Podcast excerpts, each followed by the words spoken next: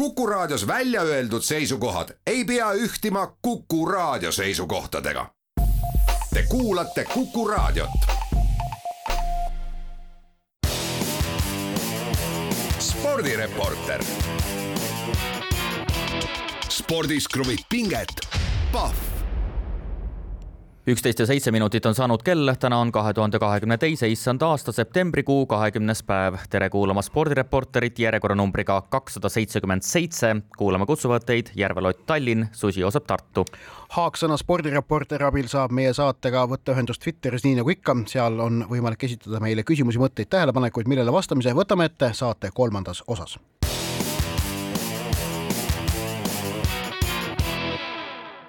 alustame saadet, aga nagu ikka, kiirete ja aktuaalsete teemadega ning teemaks number üks on julgen öelda, et läbi aegade tähtsaim ja vägevaim tiitlivõistlus või üldse, mis Eestis on toimunud eelmisel nädalal pälvis äh, Eesti ja Otepää ja Tehvandi äh, kahe tuhande kahekümne seitsmenda aasta laskesuusatamise maailmameistrivõistluste korraldusõiguse.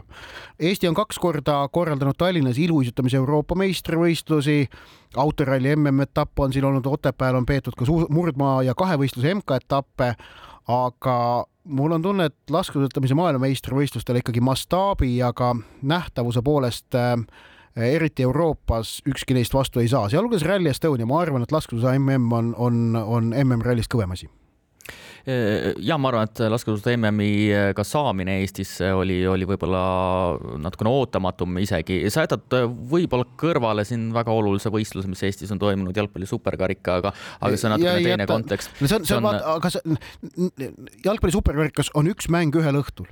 autoralli MM-etapp on noh pool nädalat, noh, võistlus ise on kolm päeva, aga laskesuusatamise mm on kaks nädalat võistlusi. Pluss veel sellele eelnev ikkagi ootus ka.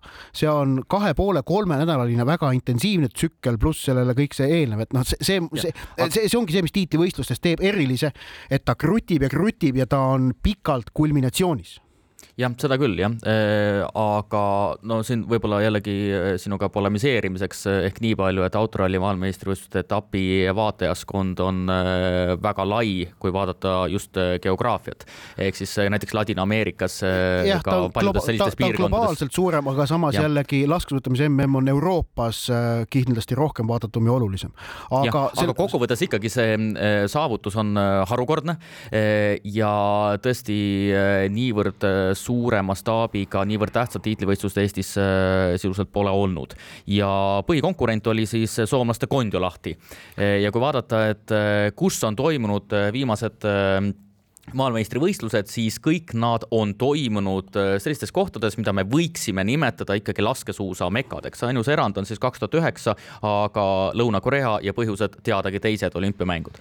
aga Pokljuka, Anterselva, Östersund, Hofilsen, Oslo, Kondiolahti, Novemesta, Ruupolding äh, ja Hantumann-Siiskis äh, toimusid samuti, nii et tegelikult see on väga selge mustrimuutus, sest kui me vaatame ka järgmiseid, Oberhof, Novemesta uuesti ja kaks tuhat kakskümmend viis, kaks tuhat kakskümmend seitse on äh, maailmameistrivõistlused laskesuusatamises vastavalt Šveitsis ja Eestis.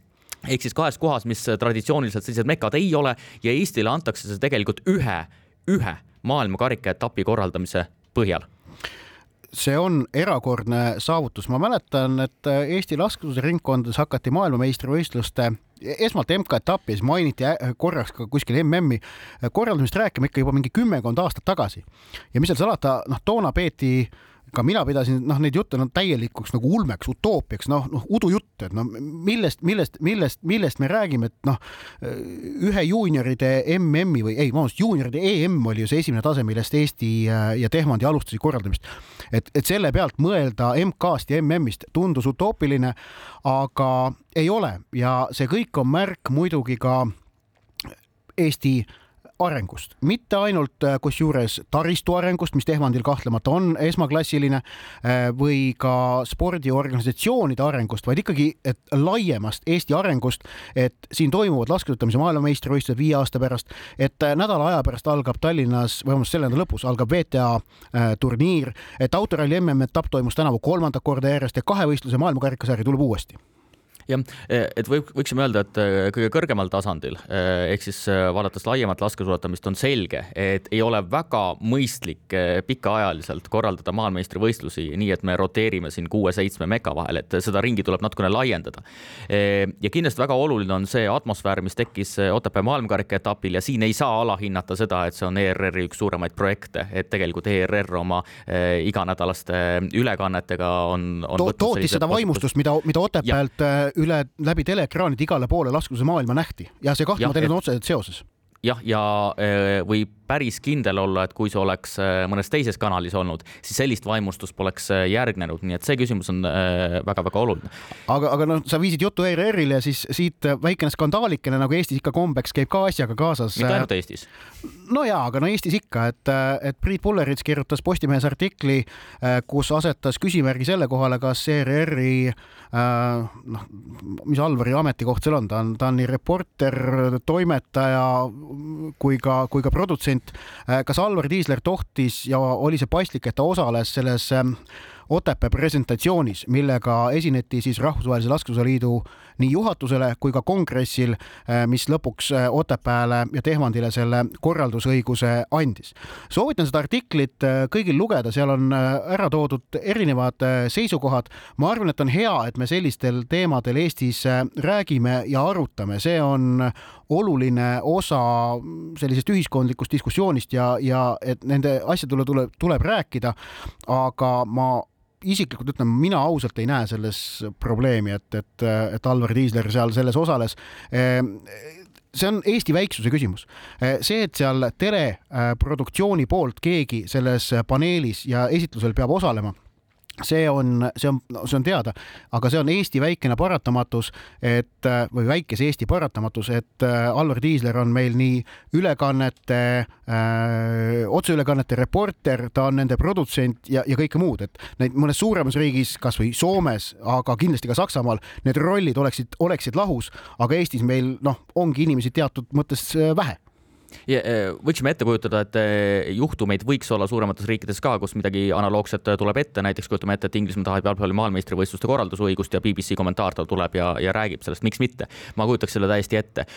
küll aga ma ütleksin, et. kusjuures seda on ka tehtud Ja, see, ja et, see, see on ka täpselt niimoodi olnud, ma tuletan meelde, naiste, naiste ja. Euroopa meistrivõistluste korraldusõigus kaks tuhat kakskümmend kaks, selle tõid ju Inglismaa eetrihääled olid osalised selle korraldusõiguse saamisel aga, aga selle diisleri küsimuse lõpetuseks ütlen nii palju, et tegelikult ERR-i ajakirjanikud ei olegi minu arvates ajakirjanikud, kui nad laskesuusatamist kajastavad, et selle võiks nad endale selgeks teha. ma ei näe selles otseselt midagi halba. võib-olla tõesti proportsioonide küsimus on, kui me vaatame ERR-i taotlusi ja funktsiooni. see on natukene teine teema, aga ERR-i reporterid ei olegi minu arvates, vaadates, kuidas nad suhtuvad Eesti sportlastesse, kuidas nad kaasa elavad, kuidas nad võistlusi kajastavad, otseselt ajakirjanikud selle traditsioonilises mõttes, vaid pigem nagu selles pooleldi kajastavad fännid no,. aga selles pole ka midagi halba, see on maitse küsimus. Äh, spordialasid, mis on äh, tigedad selle peale, et laskesuusatamine saab ERR-is väga palju tähelepanu, on Eestis hetkel rohkesti. aga läheme saatega edasi ja teema number kaks ning korvpalli Euroopa meistrivõistlused said üleeile otsa ja said otsa nii nagu alati. Ehm, no ei ole nõus, et nii nagu alati, aga neljakümne no nii nagu väga sageli jah, neljakümne esimesed Euroopa meistrivõistlused võitis Hispaania, kes sai ajaloos neljanda esikoha, nii et alati nii ei lähe. Eh, kui kaks tuhat seitseteist võitis Sloveenia, kaks tuhat kolmteist Prantsusmaa, siis aastast kaks tuhat üheksa on Hispaania võitnud kuuest EM-ist koguni neli ja finaalis alistati Hispaania koondis äh,, Hispaania alistas Prantsusmaa kaheksakümmend kaheksa, seitsekümmend kuus. no oli selles mõttes ikkagi ühepoolne finaal, et Hispaania läks kohe kahekümne ühe punktiga ette, prantslased tulid teise poolajal kolme punkti kaugusel, aga, aga lõppkokkuvõttes ikkagi Hispaania domineeris seda kohtumist, vaatamata sellele kergele mõõnaperioodile. Ehm, ja mis on sellised kaks küsimust, millest räägitakse, no üks küsimus võib olla see, et äh, kolm suurt põrusid, kolm suurt, kellel olid äh, suured NBA staarid kohal äh, ehk siis Serbia, Kreeka, Sloveenia põrusid ja Hispaania, kes nüüd on teinud läbi ikkagi noorenduskuuri, siin ei ole enam noh, Rudi Fernandes on alles, kes mingitel hetkedel äh, tegelikult ka päästis Hispaania koondise raskest seisust aga ei ole ka Soole, ei ole Navarrot, ei ole Felipe Reiest ja, ja ei ole ka Ricky Rubiot e,. nii et e, see Sergio Scariolo peatreeneri saavutus ikka panna see Hispaania koondis sedamoodi mängima, arvestades, et meil ei ole praegusel hetkel suuri staare, kuidas, kui distsiplineeritud mängiti kaitses ja nii edasi. see on võib-olla esimene tasand ja teine tasand on ikkagi, et turniiri üheks parimaks mängijaks e, peetakse ikkagi ameeriklast Lorenzo Browni, kes siis Ricky Rubiot tuli asendama, aga, aga siin kerkib selline laiem teoreetiline küsimus mängijate kodustamise eetilisusest sellest äh, loomulikult õhku. no sellest on ka Euroopa meistrivõistluste ajal Eestis räägitud ja, ja no ütleme et, et see võimalus on Euroopa korvpallis loodud, siis seda džinni enam pudelisse tagasi, ma arvan, panna on, on võimatu.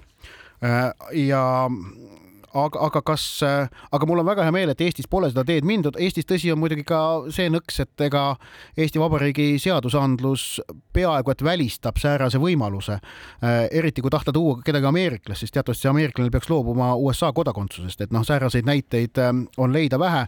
Ähm, küll aga ilmselt on, on loogiline, et, et üpris varsti nii korvpallis kui ka teistel pallimängudel hakkavad jällegi tekkima välismaal üles kasvanud Eesti kodakondsed, kes on ka seal oma pallimänguhariduse saanud ja kellel on täiesti, kelle, kes on seaduslikud Eesti, sünnijärgsed Eesti kodanikud ja kes hakkavad ka Eesti koondiste eest mängima, aga siin, sinna on vast veel mingi viis kuni kümme kuni viisteist aastat aega, aga need inimesed on tegelikult juba praegu sündinud, nad, nad õpivad ja omandavad neid pallimänguoskusi välismaal.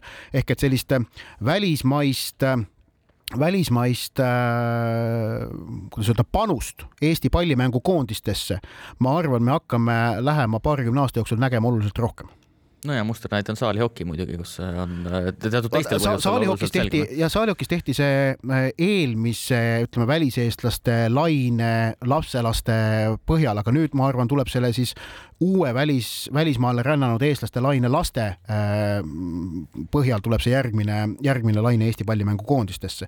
üks asi, mis ma tahan veel korvpalli EM-ist rääkida, on ikkagi kohtunike töö, mis sai selle EM-i käigus palju tähelepanu ning noh, finaalkohtumises ka üks väga markantne näide, kus Hispaania vise noh, tabab väga selgelt rõngast, uut kahtekümmet, uut neljateist sekundit ei anta ja siis antakse mõni sekund hiljem Hispaania peatreenerile või pingile tehniline viga.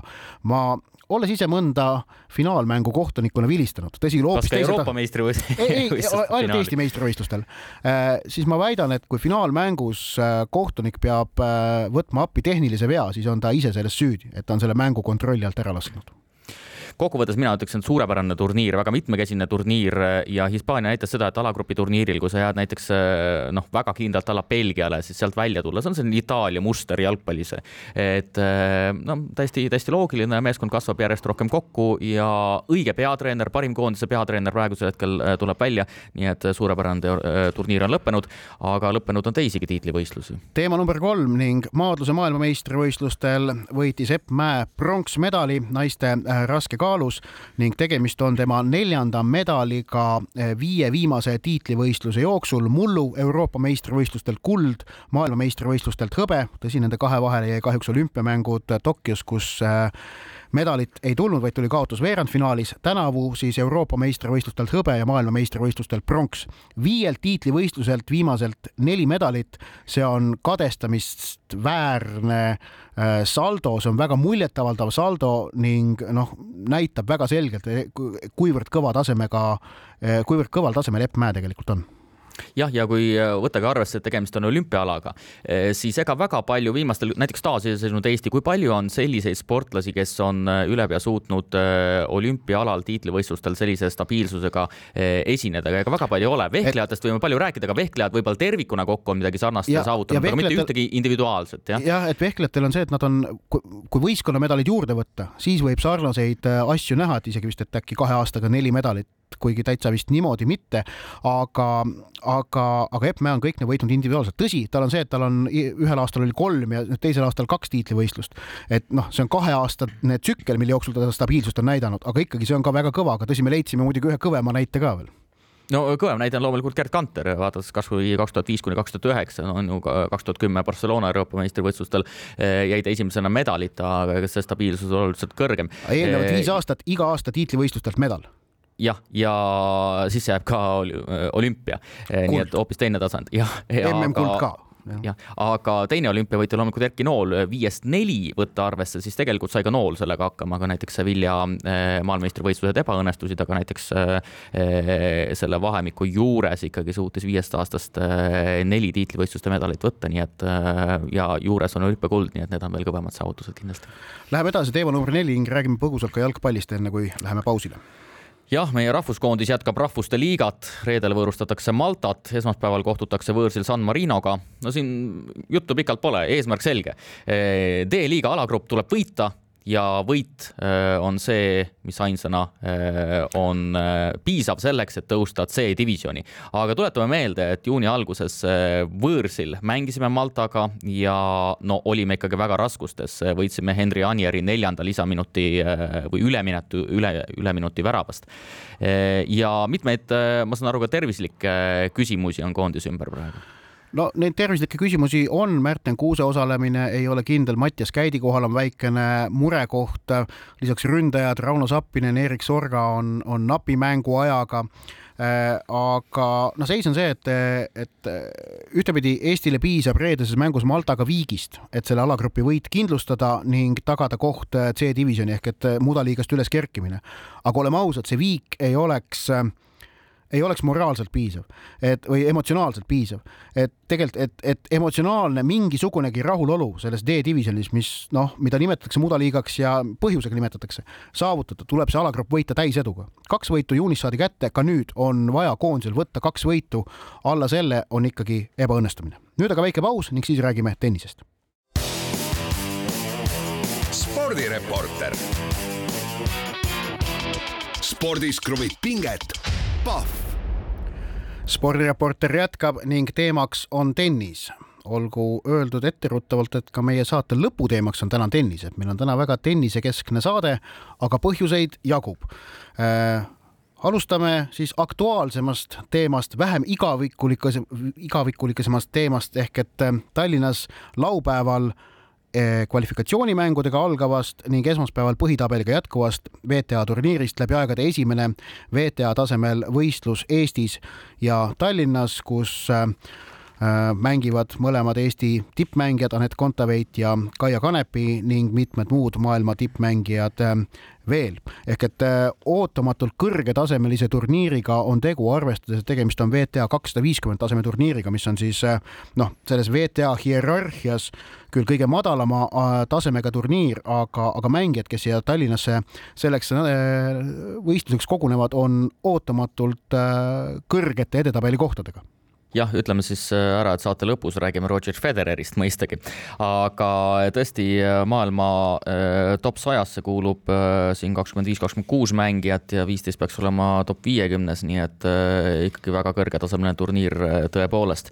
ja kui me nüüd paneme ikkagi konteksti, vaatame selle saate algust ka, meil on laskesuusatamise maailmameistrivõistlused, meil on laskesuusatamise maailmakarika etapp, meil on autoralli maailmameistrivõistluste etapp ja Eesti kontekst esiteks on juba väga suur näitaja, aga, aga teine huvitavam perspektiiv minu jaoks on see, et kus me kümme aastat tagasi, võtame aega kümme aastat tagasi, eh, tol hetkel oleks see tundunud täiesti võimatu ja olekski olnud võimatu.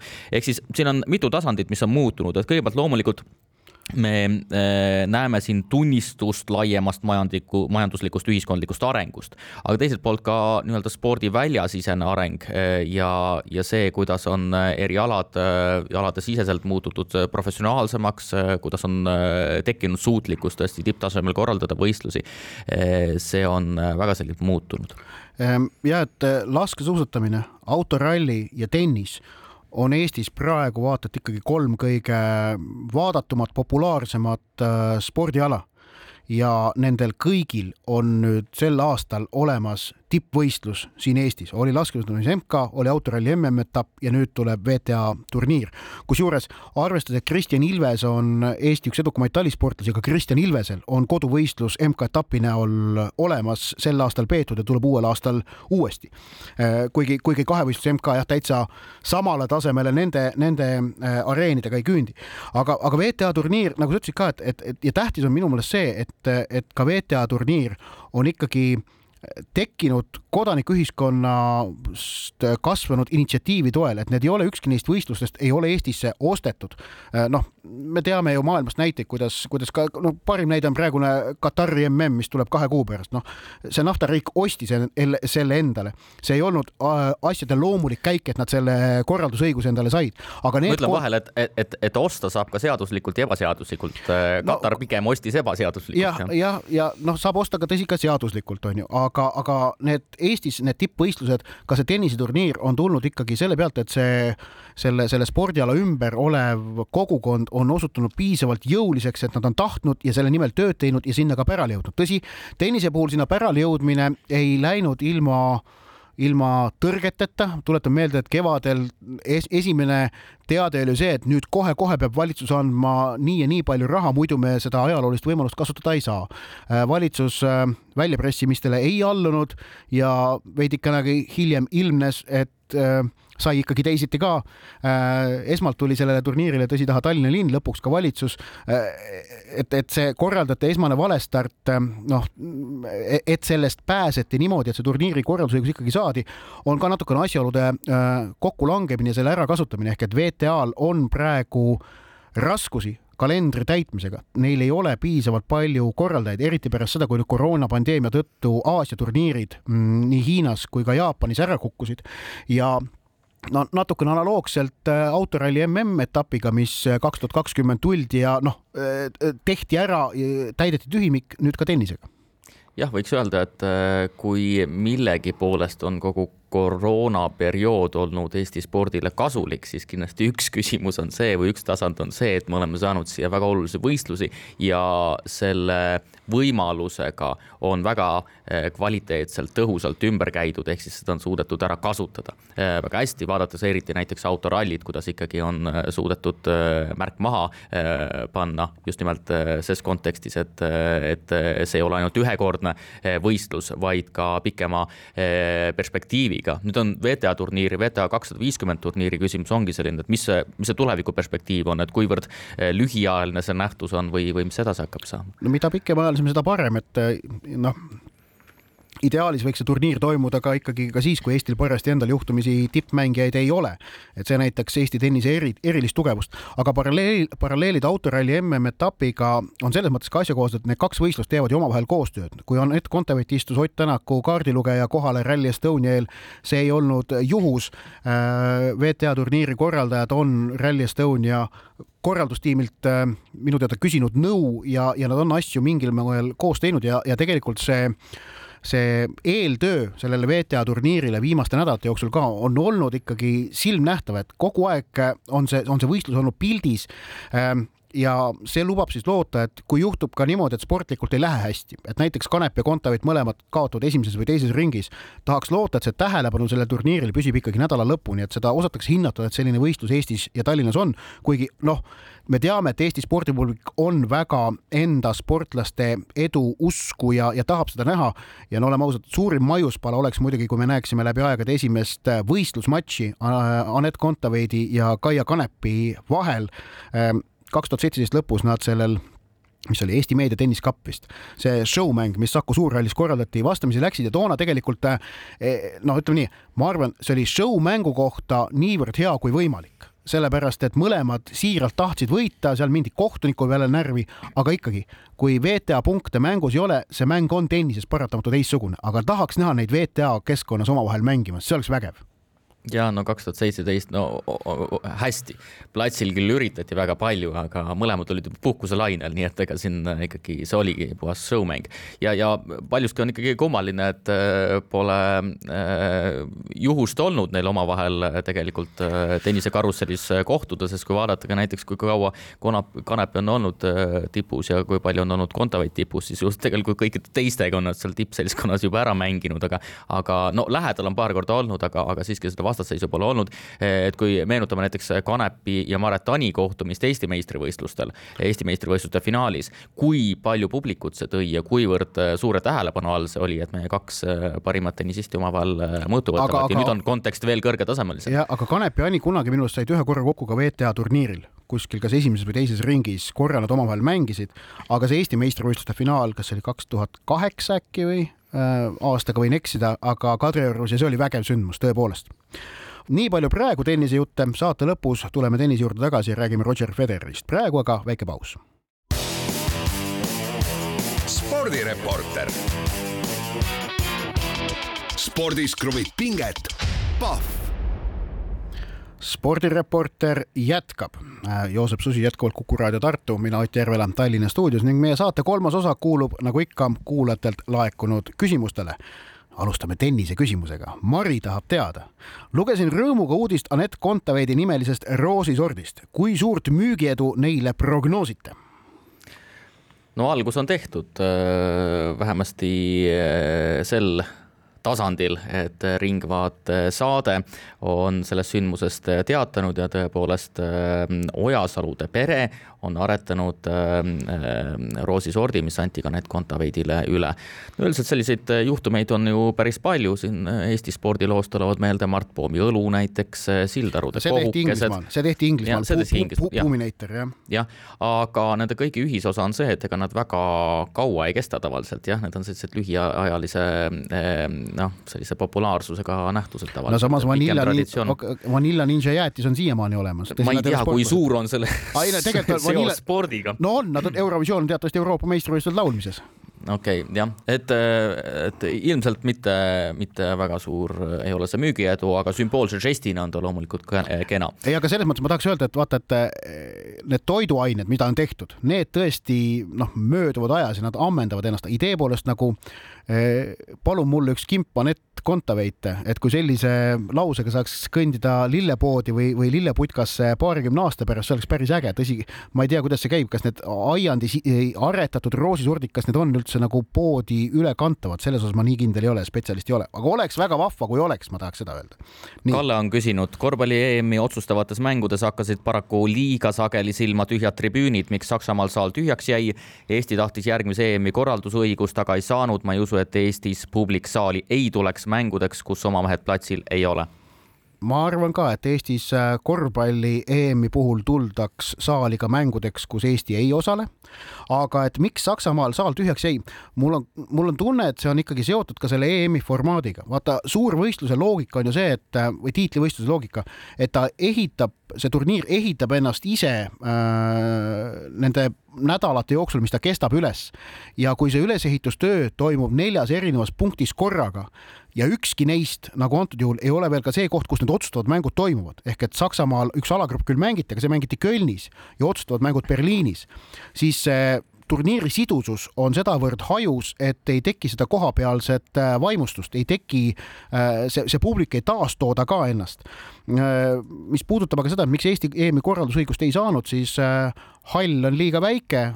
Fiba tahab, et oleks vähemalt kümne tuhande kohaline saal ja see on põhjus, miks nad seda tahavad, ma usun, on see, et nad ei taha, et sellest võistluseks võiks, võiks jääda mingisugune selline teisejärgulise võistluse mulje kolmas küsimus. Erki Noole fännkond on meile läkitanud arupärimise Risto Lillemets tegi Talansis kaheksa tuhat ükssada nelikümmend üheksa punkti. meil on praegu vähemalt seitse kümnevõistlejat, kes on teinud üle kaheksa tuhande punkti. kas spordireporterid oleksid nõus reastama meie kümnevõistlejad, arvestades nende perspektiivi, kes oleks suuteline tegema kõige vägevama punktisumma? Eh, huvitav küsimus, tõesti, praegu on neid eh, seitse, ütleme tegevkümnevõistlejat, võime lisada siia veel eh, Hausenbergi, kellel võiks olla potentsiaal, noh, kellel on kindlasti potentsiaal teha üle kaheksa tuhande, kui ta oota, kas ta kaugushüppaja ei ole või? Äh, no ei tea.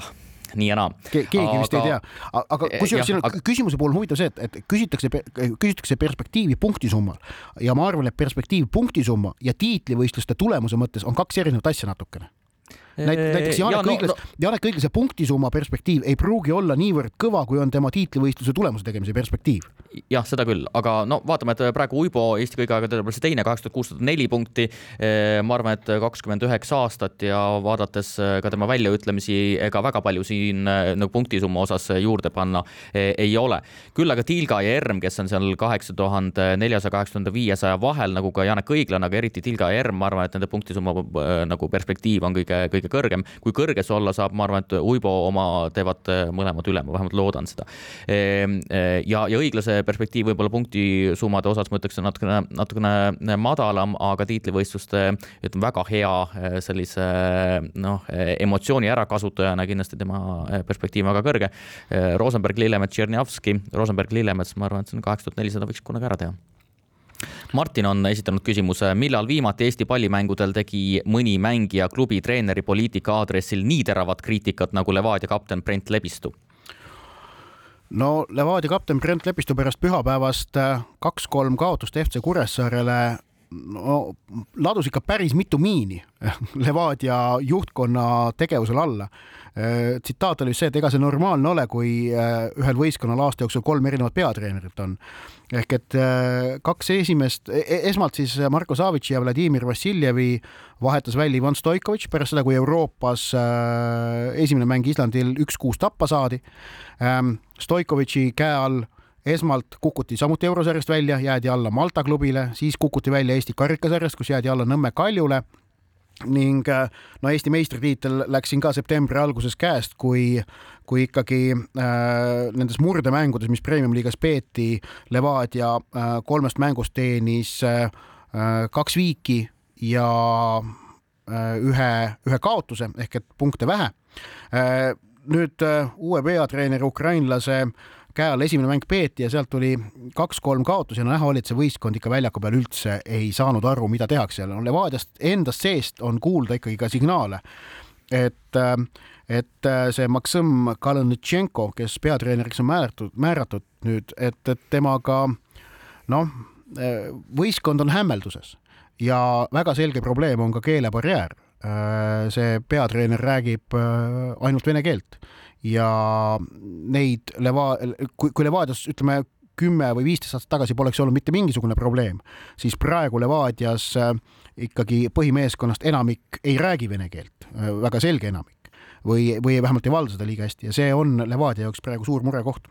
ja no ütleme resümeeks ikkagi, kui ikkagi klubi president valib äh, äh, meeskonnale, esindusmeeskonnale peatreeneri äh, olukorras, kus isegi spordidirektor ei tea, et kes selleks saab, no see ei ole, see ei ole normaalne. Hendrik esitab küsimuse, kogu malemaailm räägib viimastel päevadel kõigi aegade suurimast skandaalist.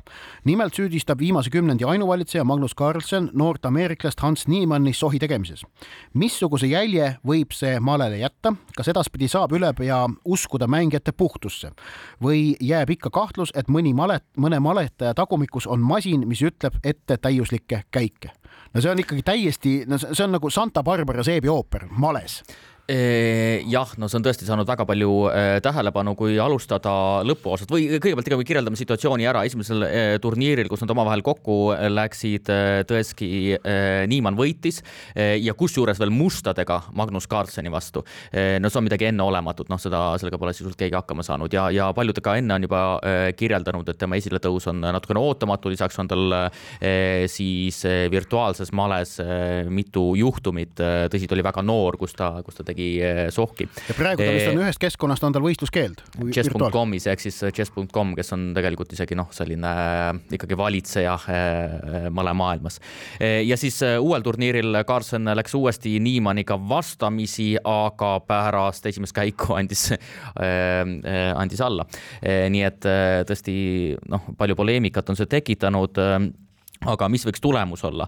Eh, üks tulemus on tõesti see, et olgugi, et järgmisel päeval, kui Carson oli selle Jose Murinole osutuse ära teinud, eh, siis tõesti kontrolliti, noh, detektoriga eh, Niimani no midagi ei leitud otseselt.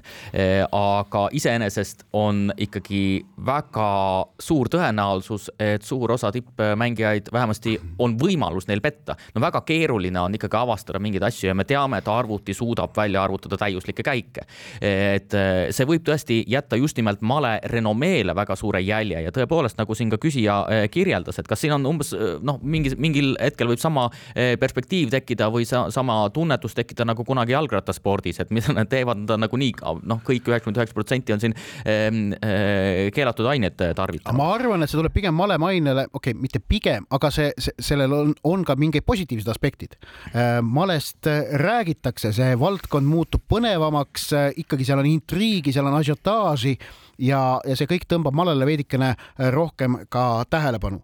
nii et ma arvan, et siin ei ole ainult üdini negatiivsete aspektide tegemist, kuigi noh, ja, ja oleme ausad, neid detaile me päris lõpuni teada ei taha. nii palju praegu küsimustest, teeme väikse pausi ja siis räägime Roger Federerist. spordireporter spordis kruvib pinget, Pahv. spordireporteri saate lõpetuseks räägime taas kord tennisest. Nimelt möödunud neljapäeval teatas viimaste kümnendite vahest üks populaarsemaid, austatumaid, hinnatumaid sportlasi neljakümne ühe aastane šveitslane Roger Federer, et lõpetab tippsportlaskarjääri. kahekümnekordse Suure Slami turniiri võitja viimaseks ATP turniiriks jääb Londonis algav Laver Cup me küsime saate lõpetuseks, milles seisneb Federeri fenomen, mis tegi kunagisest ägedaloomulisest tennisemängijast vahest suurima spordiikooni, kes on võrreldav äh, võib-olla selliste suurkujudega nagu Michael Jordan, Michael Schumacher, Maradona, Muhamed Ali ja nii edasi.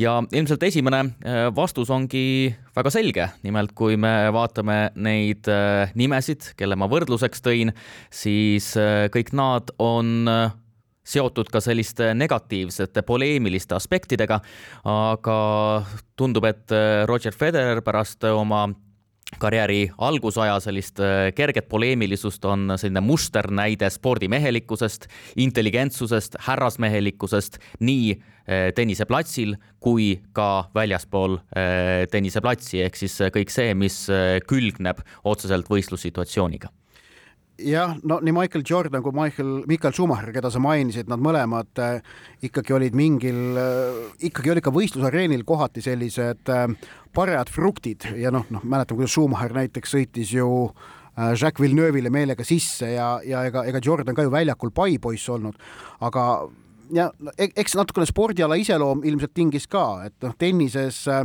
okei okay,, sa võid olla mölakas, aga see on oluliselt keerulisem seoses selle spordiala traditsioonide, tavade ja kõige muuga kui, kui näiteks korvpallis või vormelisõidus. Ehm, aga, aga näide ka Tiger Woods, kes on küll ka väljakul olnud äh, samamoodi vägagi noh, musternäide, aga väljaku kõrval on, on ka tema elus olnud äh, hoopis tumedamaid ja, ja vastuolulisemaid seikasid. Federeril seda kõike pole tõesti olnud, et ta on olnud tippspordi jaoks ideaalne suursaadik ja, ja kui sa ütlesid ka, et, et mis on tema pärand, et miks ta on kõige austatum ja niimoodi, et noh, sportlikud saavutused ju ainuüksi seda ei tähenda, sellepärast et äh, Djokovicil on rohkem Suure Slami võite kui temal, Nadalil on veel rohkem Suure Slami võite kui, kui neil mõlemal, aga ometi Federer, Federeri mittesportlik pärand on neist kolmest, ma arvan, selgelt kõige suurem jah, seda küll, aga võiksime vaadata ka natukene seda konteksti, äh, äh, mis hetkel äh, siis Federer tegelikult maailma tennise tippu ja paiguti ka ainuvalitsejaks tõusis. Ehm, tegemist oli ju ajaga, kus sellised suurkujud tennises olid just nimelt sellise tennise ajaloolise härrasmehelikkuse aristot-, demokraatlikkuse vastandit. räägime näiteks Connorsist, McEnroe'st, eh, kasvõi Andrew Agassist ja nii edasi. no McEnroe, McEnroe oli ikka palju-palju varem ju nojah, jah, aga nemad olid sellised kujud, kes tõesti määratlesid ja kuidagi isegi natukene populariseerisid eh, tennist, aga ja. Federer tuli tõesti hoopis teistsuguse lähenemisega, ta tõi tagasi sellise eh, just nimelt selle, mis sa räägid, et tenniseplatsil tegelikult peaks olema eh, selline nii-öelda robustne käitumine kuidagi raskendatud. me näeme, tegelikult see ei ole raskendatud, aga ikkagi selline etikett, härrasmehelikkus on kogu aeg käinud Federeriga kaasas. ja no McEnroe oli palju varasem ajast, aga jah, Boris Becker ja, ja tõesti Andre Agassi olid sellised, kellel oli ikka seda noh, kurjamit oli ka sees. Pete Sampras oli, oli, oli küll ka selline väga nagu viisakas ja ontlik, aga ta oli selles mõttes nagu noh, karismavaba suhteliselt, erinevalt Federerist, kes on väga karismaatiline tegelane ka ja, ja empaatiline. Äh, nii väljakul, väljaku kõrval, noh, vaata tennise üheks oluliseks traditsiooniks eriti nüüd ikkagi teleajastul on saanud need äh, turniiri võitjate kõned või ka finaali kaotajate kõned, mida Suure Slami äh, finaalmatšide järel peetakse ja no need tipptennisistid, enamik kõik on nendes meistrid, aga Federeri tasemeni küündimiseni ei, ei küündi mitte keegi. et noh, need tema need nii võidu kui kaotuskõned finaalide järel, need olid erakordselt empaatilised nii olukorra, nii võistluse, nii teda ümbritseva keskkonna kõige suhtes. jah äh ma alustaksin tegelikult just nimelt sellest kõige elementaarsemast tasandist tegelikult, ehk siis kuidas Federer käitub väljakul, kuidas ta mängib. ehk siis tegelikult Federeri puhul ja tema fenomeni puhul ei saa alahinnata sellist noh, võiks öelda mõistet nagu esteetika, esteetilisus, stiil. Ja kõigele lisaks on äh, ta ju äh, oma stiili muutnud, ta suutis tegelikult oma mängustiili kasvõi muuta ähm, kusagil siis äh, võiks öelda kolmekümnendate aastate keskpaigas jah, mis on ka juba täiesti fenomenaalne. aga lisaks loomulikult kõik need sportlikud tulemused, me ei saa neid alahinnata, kakskümmend Suure Slami turniirivõitu, ta oli esimene, kes ikkagi see eelneva põlvkonna ületas, eh, kakssada kolmkümmend seitse nädalat maailma esireket ja nii edasi. aga kõik see käitumine, mille suunas sina hakkad liikuma, on loomulikult eh, harukordselt oluline eh, samamoodi, ilma selleta me ei kujutaks loomulikult Federeri pärandit ette. et tõepoolest, tal pole ühtegi sellist mänguvälist negatiivset või skandaalset episoodi välja tuua. ehk siis totaalne pühendumine perekonnale ja spordile, selles mõttes on ta tõesti äh, musternäide. aga lisaks spordimehelikkusele just nimelt see härrasmehelikkus, aga ka intelligentsus, just nimelt see, millest sa räägid, kuidas ta tegelikult eritleb mängusituatsioone, vastaseid, äh, aga ka tennisepositsiooni laiemalt ja, ja, ja selles kõiges justkui puudub selline sportlastele, tippsportlastele omane enesekesksus. ehk siis ta justkui ei räägi ainult enda äh, positsioonist, enda perspektiivist, mis äh,, äh, mille kaudu siis vaadelda nii enda esitusi kui ka tennist laiemalt, vaid selles on mingisugune pretensioonitus samuti. aga ja, ja tuleb ta, lihtsalt ta, vaadata. Ta, ta, ta nagu tajub, et ta on ikkagi ainult üks täht sellel linnuteel jah, aga tuleb kindlasti äh, äh, vaadata ka seda, kuidas ta suhtleb meediaga, ta on väga vaba selles. Äh, ta pidevalt räägib, suhtleb, ta on väga hea suhtleja. ja lisaks sellele kõik tema konkurendid. kas tuleb meelde mõni olukord, kus konkurendid kritiseerivad Federeri, ta saab kõigi teistega väga hästi läbi, see on ka natukene eripärane ikkagi, ka Nadalil ei ole seda ette näidata, Nadalil on ikkagi vähemasti Kyrgios on, on, on see, kes, kes ei salli teda, jah. ja, ja need intervjuud ka, mida sa mainisid, ta annab väga häid intervjuusid, tähtis on just see, et need intervjuud on alati on sisukad. ta Federeri, noh, see, kes suudavad meediaga hästi suhelda, neid sportlasi on maailmas palju, aga Federeri puhul torkab silma just see, et tal on ka alati midagi sisulist öelda. ta ei taha niisama suud lahti teha ja alati, kui ta midagi räägib, on selles midagi, midagi, mingi iva sees, mis viib mind ka järgmise mõtte juurde. mis võib olla Roger Federeri edasine roll maailma spordis nüüd, kui ta on karjääri lõpetanud või no okei okay,, sel nädalal veel mängib, aga lõpetamas. et näiteks Sebastian Coe, äh, Suurbritannia jooksja, keskmaa jooksja, kes on mitmete isikuomaduste poolest Federeriga päris sarm-, samas mastis mees. temast on saanud ju väga tähtis spordiametnik. ta oli esmalt Londoni suveolümpiamängude peakorraldaja ja praegu on ta Rahvusvahelise Kergejõustiku Liidu president tegelikult Federeril on olemas kõik omadused äh, saamaks äh, vägagi oluliseks ja ma julgen öelda ka spordimaailma muutvaks ja mõjutavaks spordiametnikuks.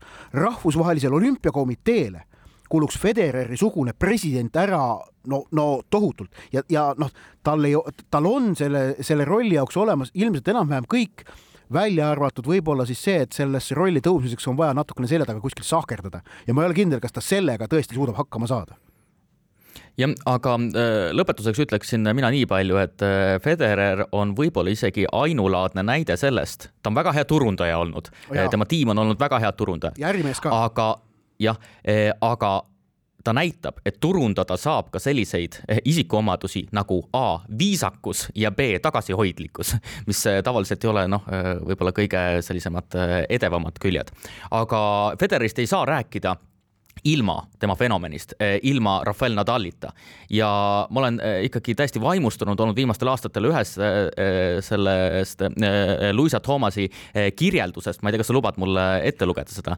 no tee kiiresti, siis me jõuame veel, jah? Ja, ja ma, ma, eh, oota, ma ütlen enne veel vahele, et ilma Nadalita ei saa, aga ilma Djokovicita saab rahulikult.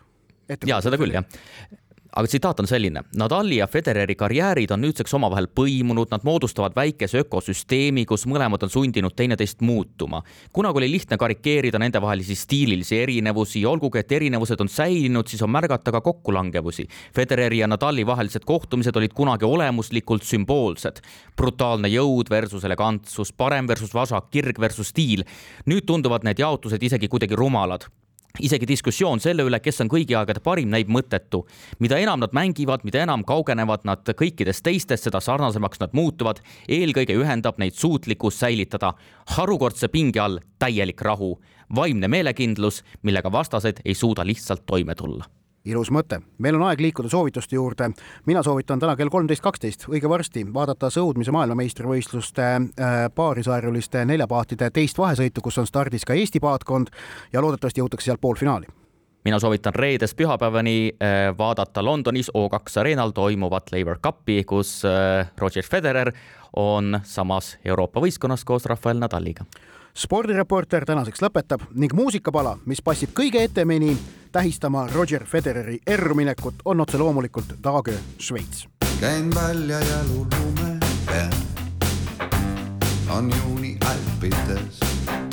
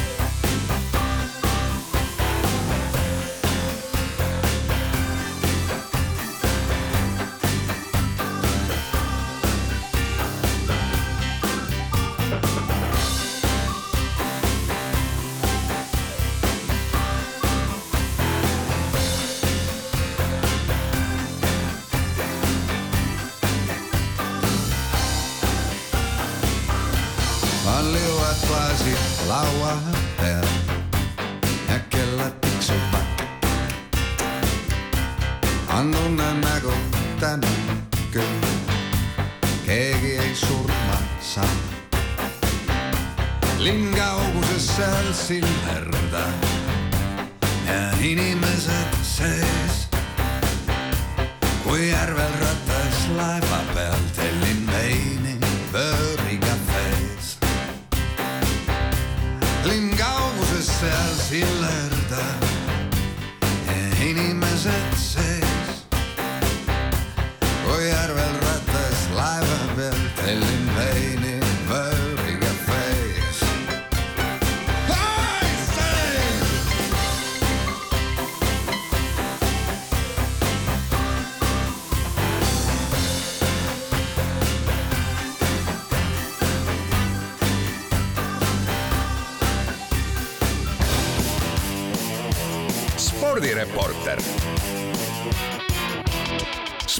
spordis kruvib pinget, Pahv